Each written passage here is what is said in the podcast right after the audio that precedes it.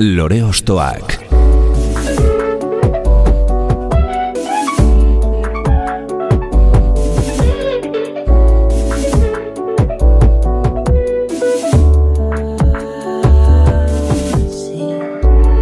Ekain perezek aurkeztuta, gonbidatu bakoitza lore bat balitz bezala ostokatuko dugu. Jakiteko, zeintzuk diren bere lore ostoak. Haupa, zer moduz, ongi etorri lore ostoak saiora. Gaurkoan 2008 urtean donostian sortutako rock laukote bat dugu gurean. Askok post-rock moduan etiketatu izan dute, baino, beraiek nahiago dute post-rock moduan deitzea. Eta horrek nolabait, Jagoba Salvador, Iñaki Benito Itzaluranga eta Gartxotun Sain partairen pertsonalitatearen nondik norakoa ere azaltzen digu. 2000 eta bederatzean aurkeztu zuten Madeleine lehen lan homonimoa orduan, talde instrumentala ziren oraindik eta honen ondotik etorri ziren 2000 eta amairuan mugarri eta 2000 eta emezortzian su ura eniaut gaztainagarekin gaztain estudioetan grabatua. Azken honetan eman zuten ahotsa kantuetan sartzeko pausu definitiboa, baino beti ere noski hain gertuko izan dituzten kontemplaziozko paisai ambientalei bere garantzia emanez.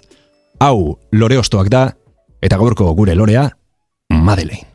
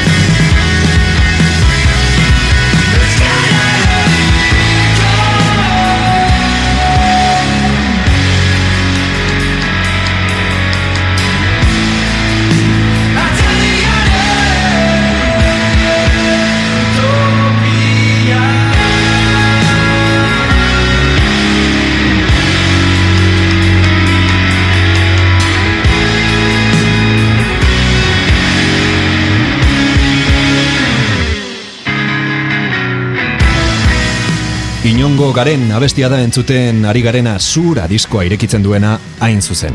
Esan bezala Madeleine taldea dugu gaurko ardatz moduan eta lore hau ostokatzeko hemen dugu gure gonbidatua bertako abeslari eta gitarista den Gartxot, unzain, haupa Gartxot. Kaixo ekain. Haupa, zer moduz? Ba, oso ondo, kiston plazerra hemen, ere taldean ordezkari gisa, ba, -huh. zukin ratu behar bat pasatzeko asmoekin. Oso ondo. Bueno, saiatuko geha zuri zu ostokatzen gaurko saio honetan. Ah, Ea ze atetzen dugu. A ver, a ver, animo, animo. bueno, esaiguzu, e, azteko, e, zer da zuretzat, Madeleine?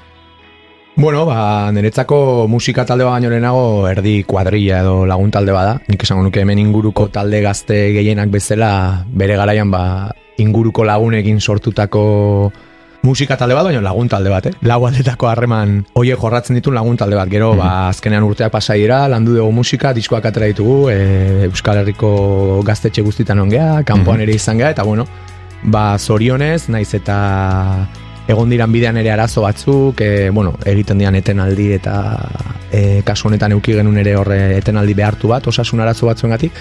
Baina azkenan ikusten dela e, musika talde bat, ba, amairu amala urtetan zehar, e, bizitzako gauza honak eta txarrak hartu dituna, eta hasi dala modu naturalean.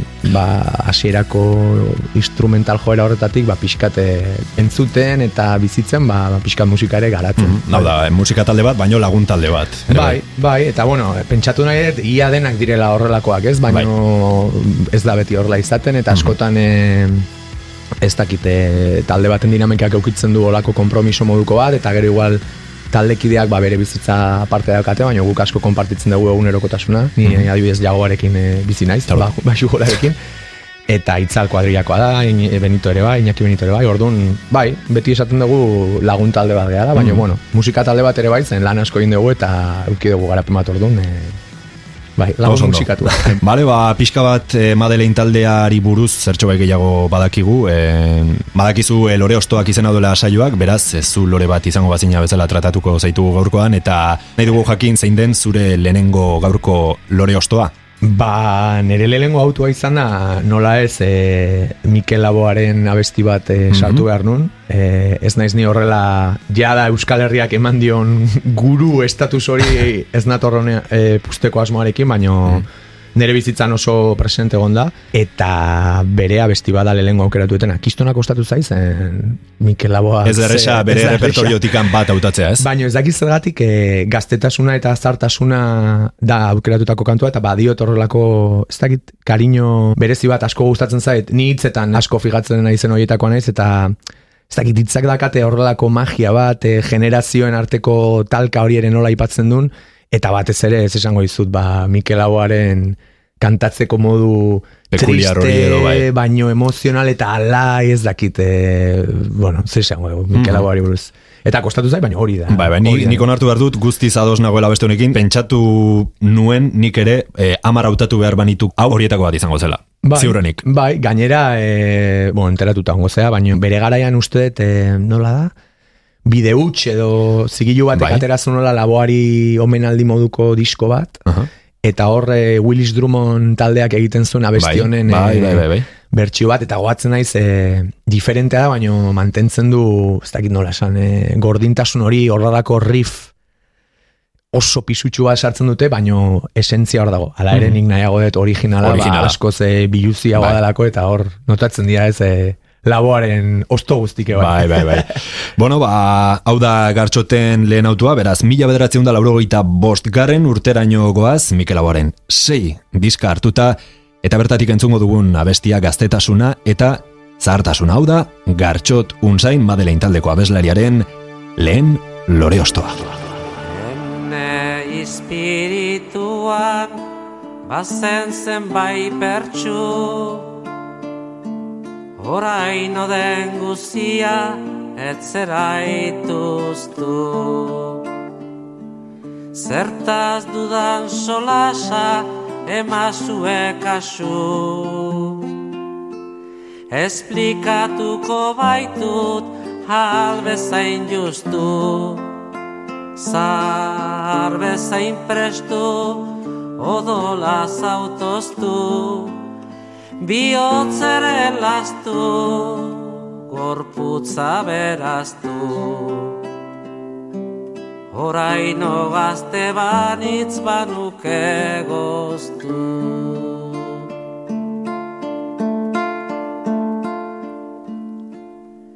Zar gazten arteko hau da parabola, zuzen esplikatzia, ein bat gogor da Gaztea ez daiteke adin bat ez molda.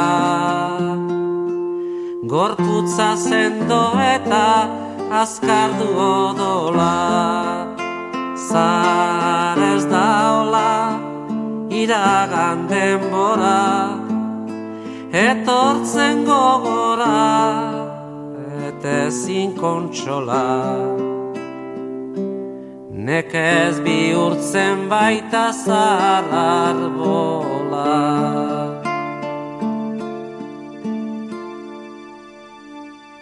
Egunak badoazi egunen ondotik. Ez dira elgari duri joaiten argatik Atzo iguskiaren distira zeruti Egun obela jargi itxaso aldeti Euria ondotik azida gogoti Edoien barnetik hortakoz badaki Erituko naizela guztiz gerozti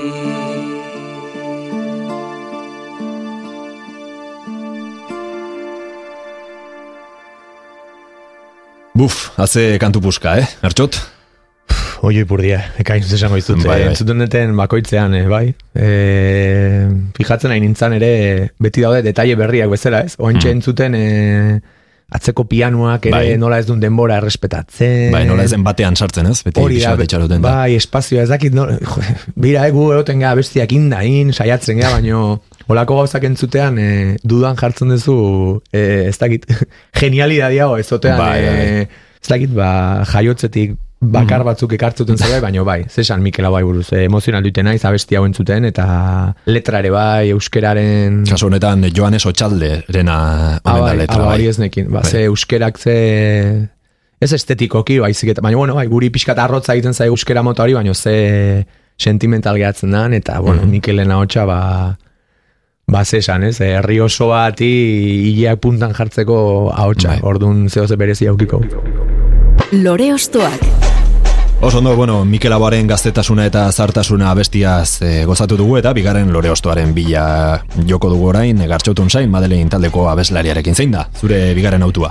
Ba, bigarren autu bezala, Zarama taldearen Iñaki zeurrun dagon kamerun ekarri, Mhm. mm e, bueno, ez dut uste ere abesti honek aurkezpen handirik e, merezi dula, Baina, bueno, zure kasuan ze, ze suposatzen du zuretzako? edo Niretzako da, gaina, e, aitortza bat egin bar dut, e, Zaramaren, ez dakit, iruz palau abesti ezagutzen ditut, txatxo Bai. etortzen zaitu hain burura, baina naiz eta talde honen... E, Bai, fan absolutua bai, edo- inku- e, bai, ez fana ez, e, ukiduten bilakaeraren oso jakitun, Mhm. baina ez dakit, e, azkenan ere loreak aukeratu behar ditun, eta bizitzan presentze, Noski. presente gondian hoiek, Mhm. eta nik ez dakit zergatik, abesti honekin daukat olako e, maitasun harreman, Feeling bat, berezi bat, Feeling bat, uste dut, badukala nostalgiatik, ez? E, ba, larogeita margarren amarkadan gu gazteak ginen, kotxian, festetan, gurasoekin entzutetik, Bai. baina aparte ez dakit, iruditzen zaite, beti esaten dut, ez dago abestia honen e, antzeko abestirik. Bai, oso berezia da, ez da? Oso, oso, oso berezia. E, iruditzen zaineri horrelako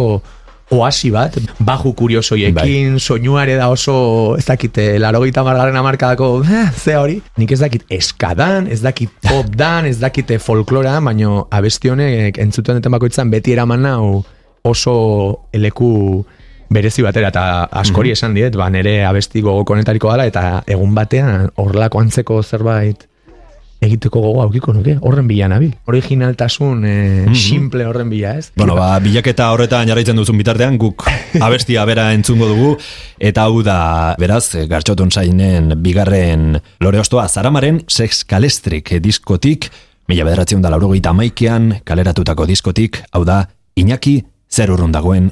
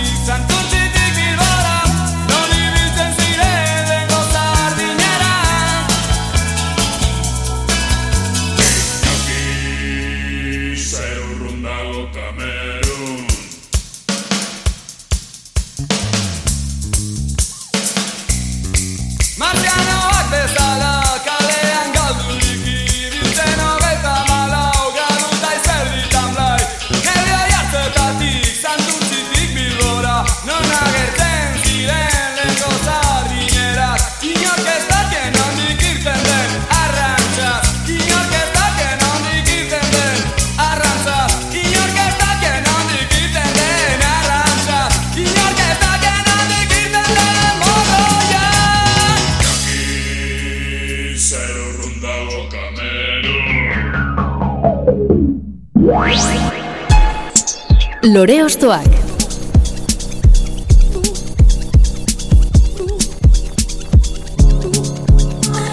Beno, ostokatu dugu dagoeneko bigarren lore ostoa eta orain hirugarrenaren bila joan behar dugu eta gainera hau zuretzako nik uste zer- zertxo bait berezia dela gainera, ez? Pertsonalki ere. Bai, hori da, irugarren, irugarren osto edo lore hau nere, nere lorategi pertsonaletik atuko dut, eta nere autua Fisis versus Nomos taldearen kompromezua bestia da, kasu honetan eh, Fisis versus Nomos taldearen atzean Beñatan txustegi edo lagunentzako txusta Bai. dago, nere lagun minetako bat, eta bizaldi taldean ere taldekide.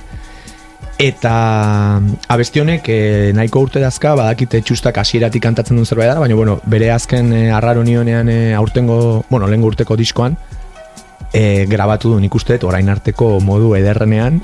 Beste plus bat eman Hori da, urte askotatik nik imaginatu izan dut. Honek grabatu beharko du abesti zarrau e, pixkate mm, pulamentu zen- zentzu Bai. eh, bainat. E, bateria batekin, baju batekin, eta nik uste kiston e, dimentsio eman diola. Berak asko jotzen du hau e, akustikoan berak bakarrik, eta ez dakit abesti honek e, bainatek kiston abesti pila dauzka, eta nere sortzaile lagun izatez gain, nere sortzaile kutxunetako badamen Euskal Herrialdean, gure generaziokoa, baina abesti honek irutzen zait e, badaukala borobiltasun bat, e, melodia izugarri gustatzen zait, e, letra ere beti bezala Beñate badak hola misterio moduko ba, baina gustatzen zait hemen ba harremanen inguruan egiten dian e, hausnarketa batzuk eta batez ere estribilloa. Oso ondo, e, irakurri dut internetetik ezagik zuzena den ala ez, e, galdaka on jaioa dela, baino donostin bizi dela Bai. urte askoan zehar jada ez? Bai, bai, bai. Ah, Beñatan txustegi. Bai, bai, bizkaitarra da. Bizkaitara da berez, baino, bueno, ja, e, gaur egun donostiarra bezala bai, bai, esan dezakegu ez. Bai, txuri urdina, txuri, txuri urdina urdina. gaur egun, baino kuriosidade bezala bai, beti esaten du e, Bizkaian, Bizkaian jaio zala, bai. Oso ondo, bueno, ba, hartxoten irugarren lore ostoa, Fisis versus Nomos, bueno, esan dugu lehenengo diskoan ere entzuna zela, baino kasu honetan arraro nionean 2008ko diskotik hartuko dugu, kompromezu abestia.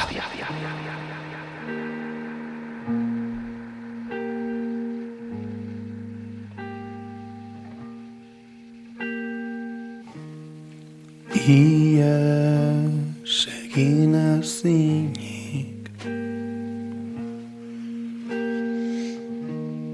Kompromezuari eutxiz Irudiona emanez Ala ere Irrifarrakin topo egin gabe. Sentsazio ugari egi bihurtu barik Oartzen naizen bat galduta dauden Zer esango duten pentsatzen duzulen bizi. Ez zaitezkezka burukeriokin. Klandestinoki ikusten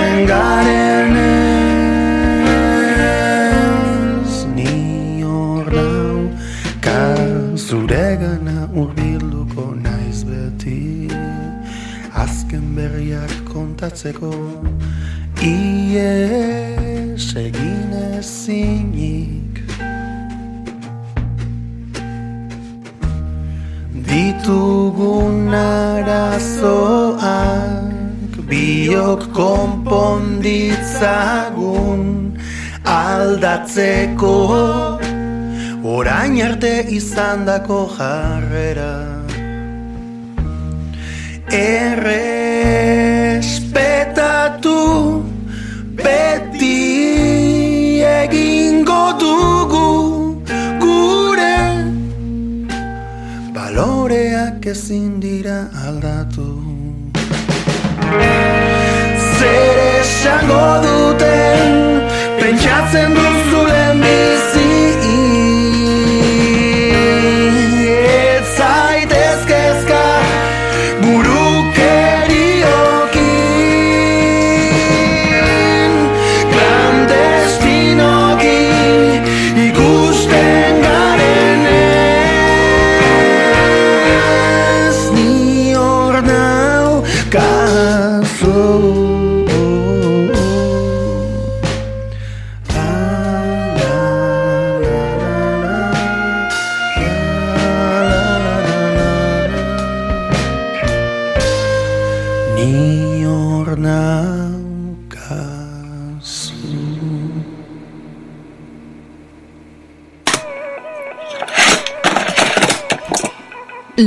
Lore Ostoak.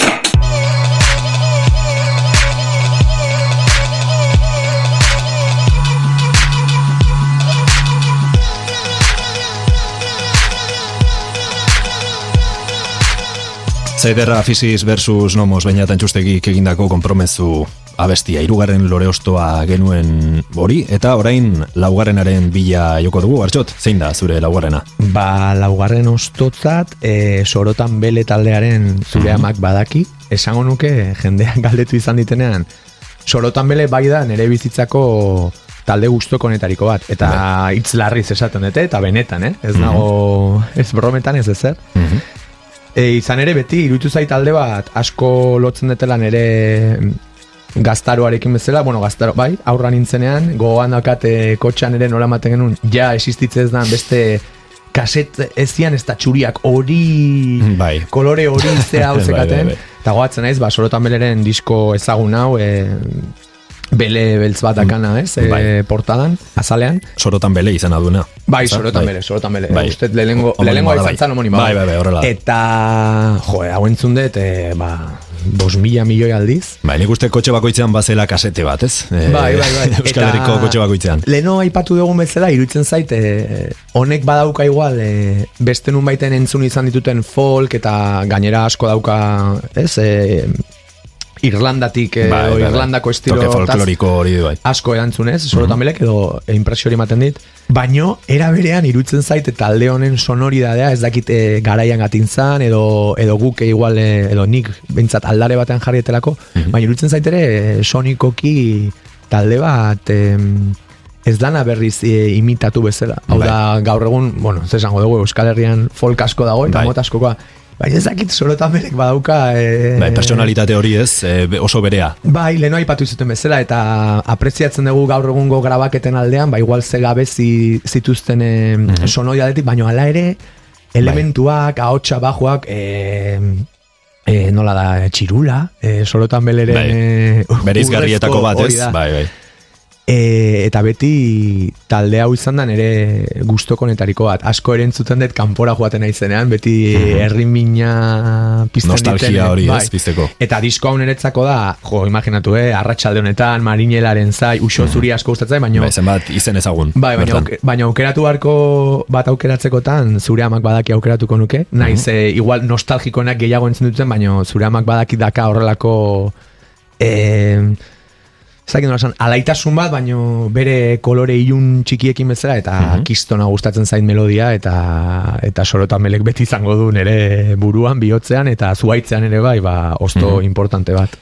Oso ondo, ba, ondarribiatik, eh, sorotan bele, laurogeita marreko amarkadako ikur handietako bat dudik gabe eh, Euskal Herrian behinik behin, mila bederatzen da laurogeita maikean sortua, gorka sarriekiren ahots bereziarekin, eta kasu honetan mila bederatzen da laurogeita amairuko, sorotan bele, disko homonimotik hartuko dugu, laugarren lore ostoa, zure amak badak.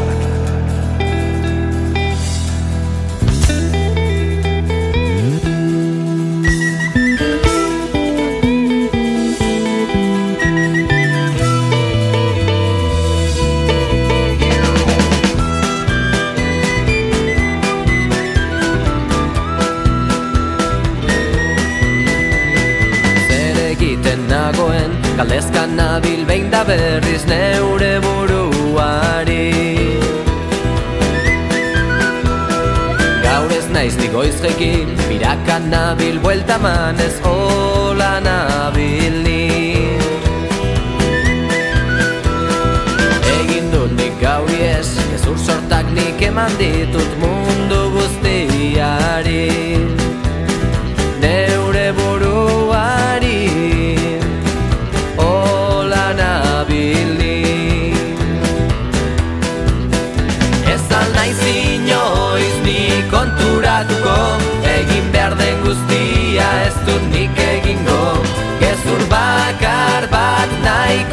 izaten da Hankazkora usteko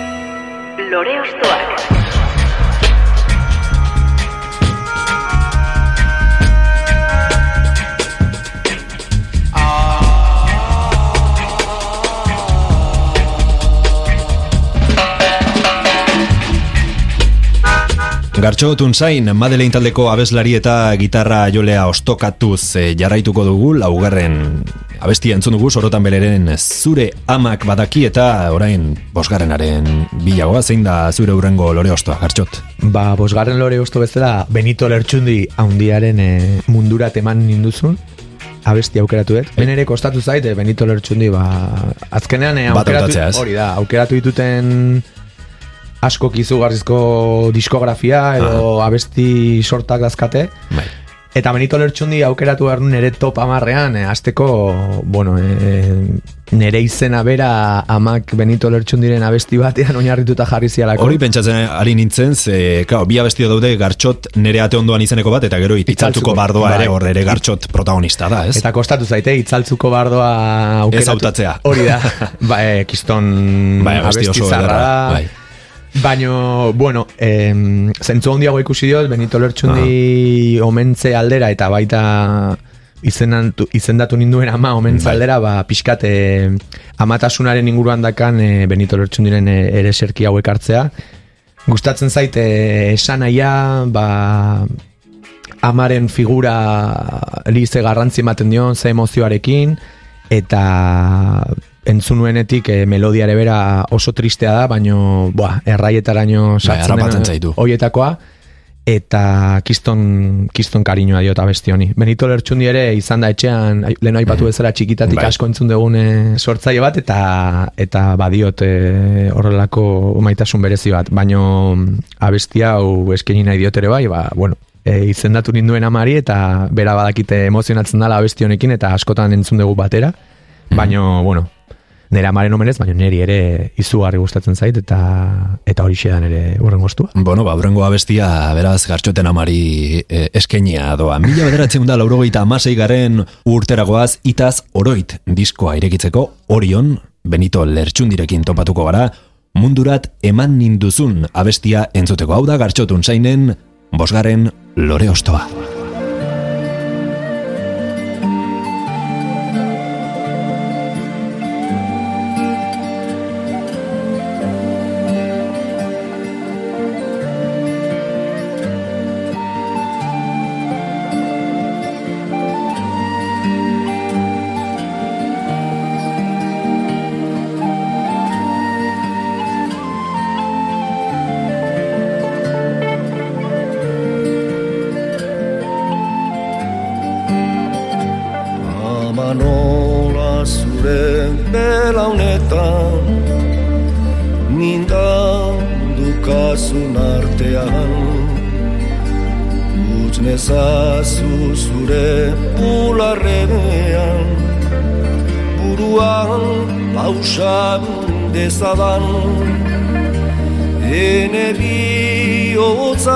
Zer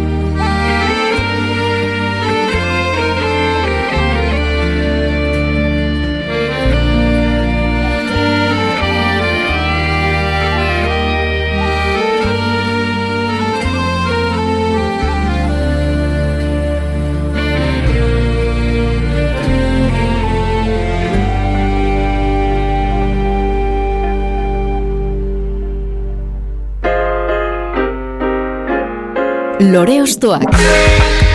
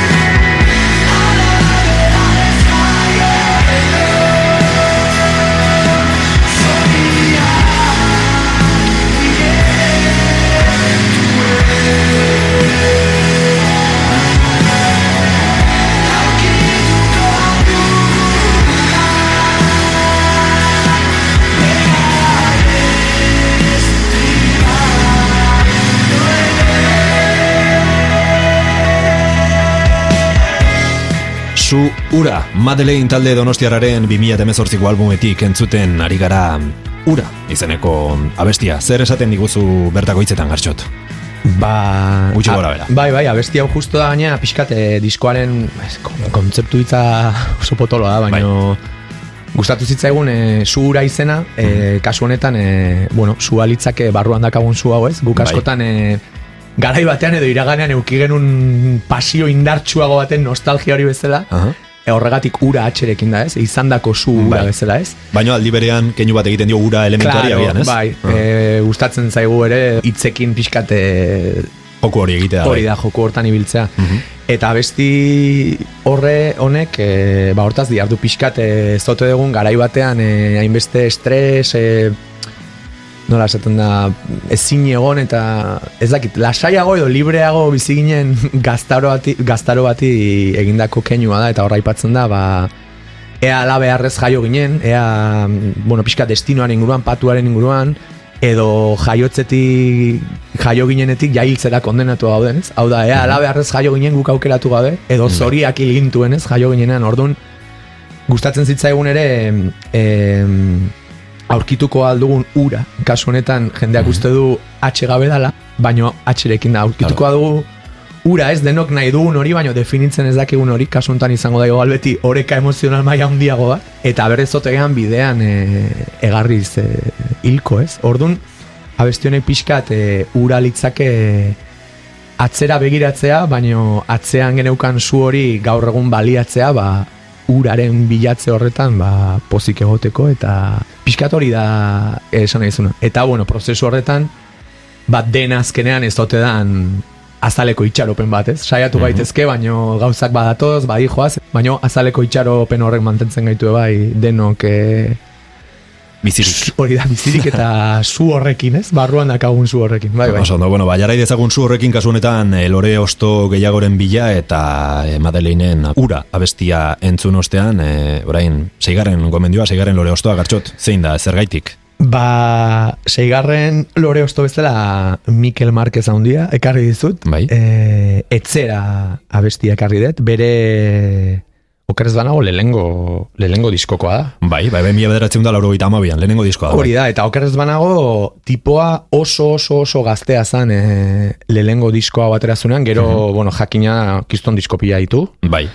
Ezagitzen bat urte izango zituen, baina badakit amasei urterekin hasi zela musika jotzen edo gitara jotzen ja kale kaletik zehar, edo bueno, edo komposatzen behin mm Bai, bai, eta neri pasatzen zait, e, eta etorri egin zait diskonekin pixkat e, sorotan beleren homonimoarekin bezala, Bai. kotxean zegoen ka, kaset Horietako horietako bat. bat zan, horiska gainea, oraindik etxean daukatena, eta kiston, e, kiston kariñoa diot, ez dut e, abestirik pasatzen ez disko hortan, eta bueno, Mikel Marquezek beti bezala, badauzka igual jendeak asko ezagutzen ditun e, bazure begiek bezalako, zera, ereserki hoiek Bai. ez, Baina niri gustatzen zait, e, etzera hau, e, pixka tipoa ironiko jartzen dalako bezala, letretan ere oso jolastia da, eta hemen badago, irutzen zait, ari zaiola bere, ba ez dakit, e, e, maitale bati, edo izandako maitale bati, ba, ez dala bere e, pelikuletako printzesa bezala, baino Mhm. gaizki ere ez dagola, eta esaten dio ez dula ilargira eraman nahi, baino noiz bait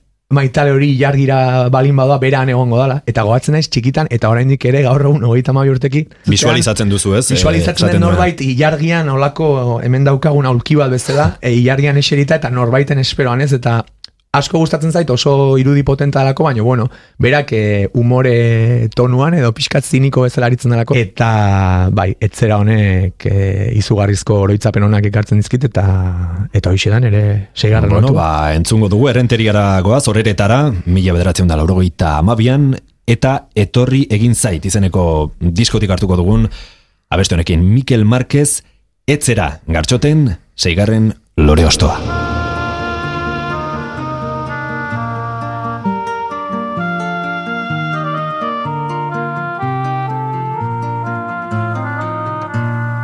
Etzera nire ametxetako printzesa Baina ez zaude gaizki. Etzera izarretara eraman nahi nuen ura Baina galduko gera gauean. Ez zaitu tengainatzen Maite zaitu dala esaten badizut Baina etzazu espero nik zu ilargira eramango zaitu danik Noiz baiti ilargira bazoba zara urkituko nauzula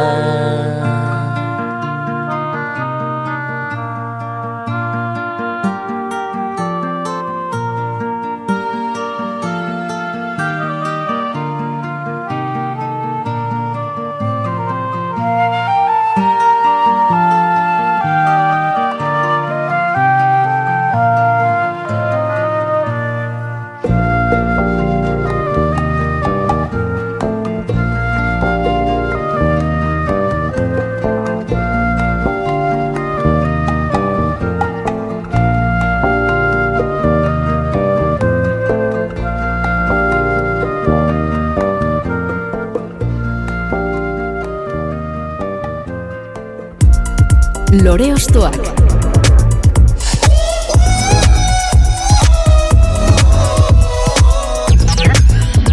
Mikel Marquezekin ilargiraino joan gara etzera izeneko abestian, e, gartxotekin, e, Madeleine taldeko abeslariarekin, eta, bueno, jarraituko dugu gure gaurko gonbidatua ostokatzen, e, urengo abestiaren bila joango gara, gartxot, Bai, bai, eharki ginean, ilargia, baina Bai, ez, bueltatu behar dugu. Bai, bueltatu behar. Ba, bai, zazpigarren autu bezala Erramun Martikoren handian e, Aha. xorieri mintzo zen abestiak argi dizut. Ederra, benetan. Bai, hau ere, bueno, ia dena bezala, batzuk eh, gaur egungo hauak dira, baina hau ere pixkat nire iraganeko nostalgia horri lotutako abesti bat, gurasokin asko entzundakoa. Zaki zergatik ere, bueno, Erramun Martikorenaren ezagunena Salvadorren eriotzean eh, bertsio bada, ez? Baino baino xorieri mintzo zen honek badauka ez dakite tristea ez? Baizik eta udaberriago bezala dan eh, horrelako ikutu bat. Eta neri melodia txikitatik egin zait oso oso erakargarria, oso nostalgikoa eta bueno, Erramun Martikorenaren ahotsa ere Ba, ez dakit, Euskal Herri mailan e, puntakoa ez dakit, baino bai oso, oso hemengoa, oso Bai. originala, oso timbre berezia, e, entzun eta berehala bera da, dala dakizun horietakoa. Eta nik kiston, kiston maitasuna diote xorieri mintzo zen abesti honi, eta askotan kantatuet gurasoekin, entzun ditut ere mila, mila bertsio egin dira bai, honenak. bai, bai, bai.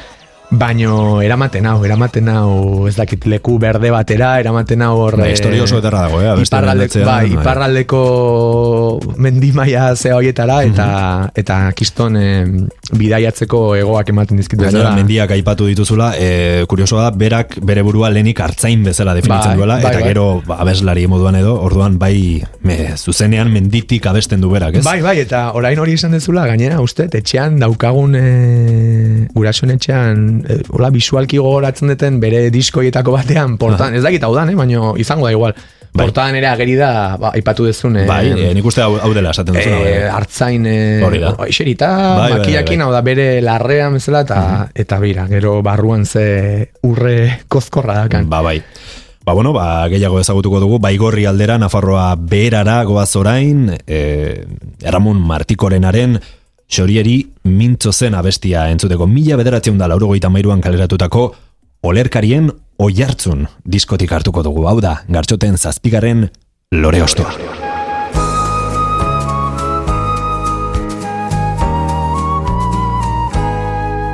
Xorieri zen, errekari, oianeko zuaitzeri ta zeruko izarreri, mintzo zen aizeari, xoro baten zatzaukaten, xorieri mintzo zen, xoro baten zatzaukaten. Ezakien irakurtzen gizonen liburutan Baina nongi bazakien zeruko seinaletan Zeruko seinaletan ta jenden bihotzetan. Xorieri mintzo zen, mintzo zen erekari Oianeko zuaitzeri ta zeruko izarreri Mintzo zen aizeari xoro baten zatzaukaten Xorieri mintzo zen xoro baten zatzaukaten Aurrek zuten harrikatzen Zahar gaztek trufatzen Etxekoek bere kongi Laneko baliatzen Laneko baliatzen Eta goxez pagatzen. Xorieri mintzo zen Mintzo zen errekari Oianeko zuaitzeri ta zeruko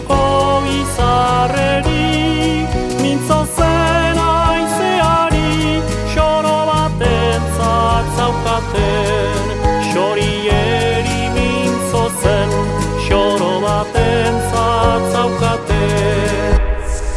Ekain perezek aurkeztuta, gonbidatu bakoitza lore bat balitz bezala ostokatuko dugu. Lore ostoak.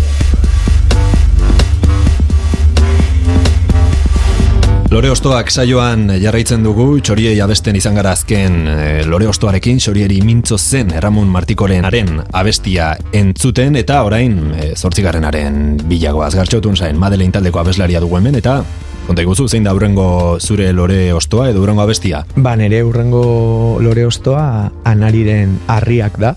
E, aski ezaguna, bere Bai. bidea eta denbora e, diskokoa. Mhm. Eta abesti honek... Zer dakarkizu gogora edo ze, ze sentitzen duzu abestia entzutean? Ba, esango nuke dala, abestia, ez dakite, ez detola emozionatu nahi, baina Bai. igual nere bizitzan e, negar gehien egin deten Ah, abestia, eh? e, irutzen zaitelako dala mm, askotan e, leku honetan, ez beti Bai. txarretan negarra ez da beti negatiboa. Mhm. Baina ez dut topatu inun, em, ez dakite, harreman baten inguruko horrelako metaforain politik. Harreman ez dute romantikoa esan nahi, eh? Bai, motatako Izan daiteke norbere buruarekin, Bai. e, gurasoekin, naturarekin, jainkoarekin edo bikotarekin, baina Bai. abesti honek aipatzen ditu bi alde horiek eta batek besteari eskatzen diona, ematen duna, jasotzen duna, eta benetan melodia irutzen zait e, oso erraiei begira, abestiaren progresioa e, beti kasi eta eta gorantza dijoa, igual e, baina bat e, esatearren bakarrik e, diskoan badu horrelako fade out moduko bat bukaeran, e, baina zuzenean asko entzun dut eta beti diskoa esaten Bukatzen da... "Ah, bai." Ja. Baina anari irutzen zait, ni oso oso zalea naiz, e, irutzen zait hemen inguruan oso identifikatua sentitzen naiz bere barrura begiratzeko joera horrekin. Bai. Jende batzuk ere esan izan diate oso tristea bezala irutzen zaiela, oso... Mhm.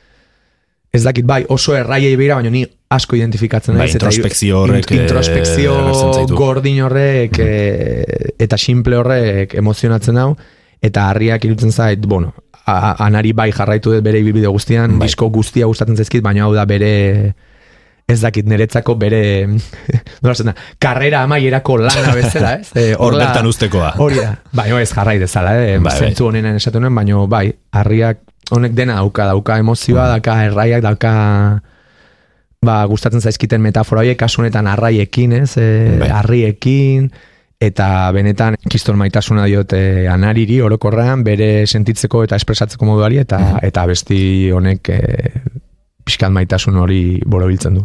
Bai, bai. Bueno, ba, entzun dezagun, 2008ra, goaz, eh, kasu honetan, bidea eta denbora diskoa irekiko dugu, eta bertatik entzungo dugu gartxoten zortzigarren lore ostoa, anariren harriak. Nik besoa eman zuk esku hartu Ala ere beldurrik ez didazula diozu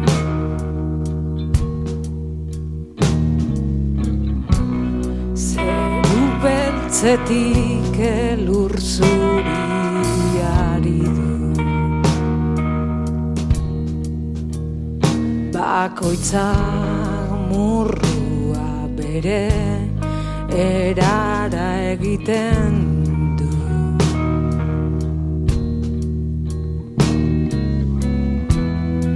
Arripila bat dut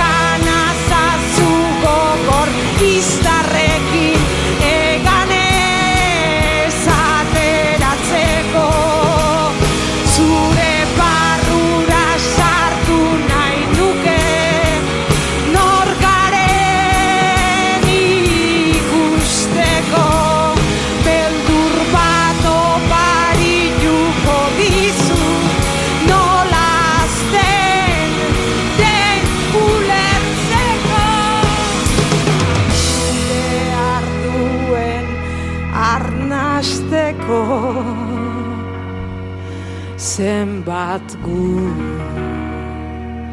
bizitzeko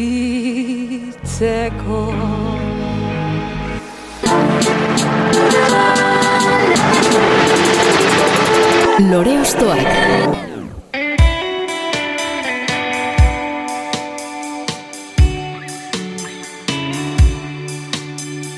Bazkeen abesti honekin ostokatu dugu guztiz Madeleine taldea, biluzik utzi dugu gartxot, euskal kantuei dagokionez, noski, ez gaizki pentsatu. Eta bukatzera goaz, baino, galdetu nahi dizut gartxot, e, lauro meretzian dena errezagoa zen? E, bai, Bai. Esango nuke bai ez. Esango nuke 2000 garren urtea identifikatzen dute lanik e, aldaketaren urtea bezala. Ez dakite munduan, eh? Ez maila pertsona, ere bai, baino sinistu nahi dut edo askotan nostalgia horri heltzen altzaioni e, laro gita meretzian oraindik e, ez nekan e, kezkari. Bai. amabi, bat urte, amabi, amairu bai. E, gaztaro ehar hortan ginen oendik, teknologiako oendik ez gintun e, Jan. jan edo hori da, itxu bihurtu parean dakagunarekiko.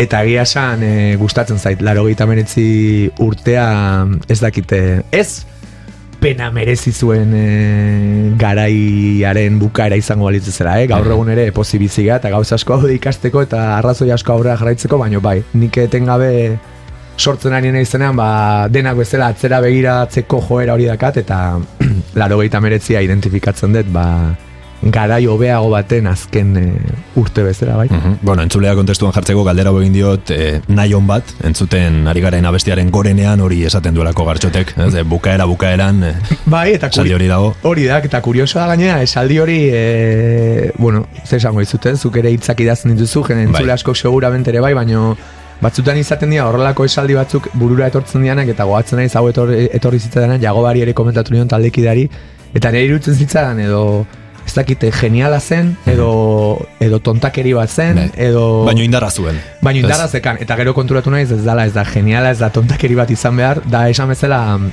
abestiko azken esaldia Bai. da ez, eta eta oso potente irutu zitzaidan, eta eta horrela horrela gatu da, eta esan behar ere zuzenekoetan azken abestia da, eta nere, e, esan behar duten azken gauza, eta hor jartzen den nire Indar guzia, ez, eh, indar potentzia guztia. guzia. Bai, bai, oso, oso gustura nago hitz hauekin, eta bestiarekin, eta diskoarekin ere, bai, noski baietz. Oso ondo, Gartxot, ba, bueno, hemen izan dugu Madeleine taldeko parteidetako bat Gartxotun zain, plazerra izan da zu hemen lore ostoak saioan eh, gurean mizatea, espero dut zu ere gustora Bai, egon izana, bai, disfrutatu kai. izana ariketa honekin. Bai, bai, jo, mila mila esker e, gonbitagatik, e, kostatu zait, uste baino gehiago. Bai, e, abestitara ekartzen ere osto guztiak, e, Mhm. zuaitz asko dazkatelako nik bai buruan, baina uste, e, omenaldi politxa egin diotela, ba, musikarekin daukaten harremanari txikitatik, Mhm. eta eta hoixe, horrela gatu nez, biluzi, baina gustora ekain. Ba, besterik gabe, mila mila esker Gartxot, gurera etortzegatik eta zorte hon hemendik aurrerako proiektu guztietan, bizitzan eta, bueno, arlo guztietan. Bai, saiatuko gea, mila esker zuri bai ekain. Oso ondo. Eta zuri dagokizunez, entzule, eskerik asko gurekin izategatik. Ondo izan, eta urren arte.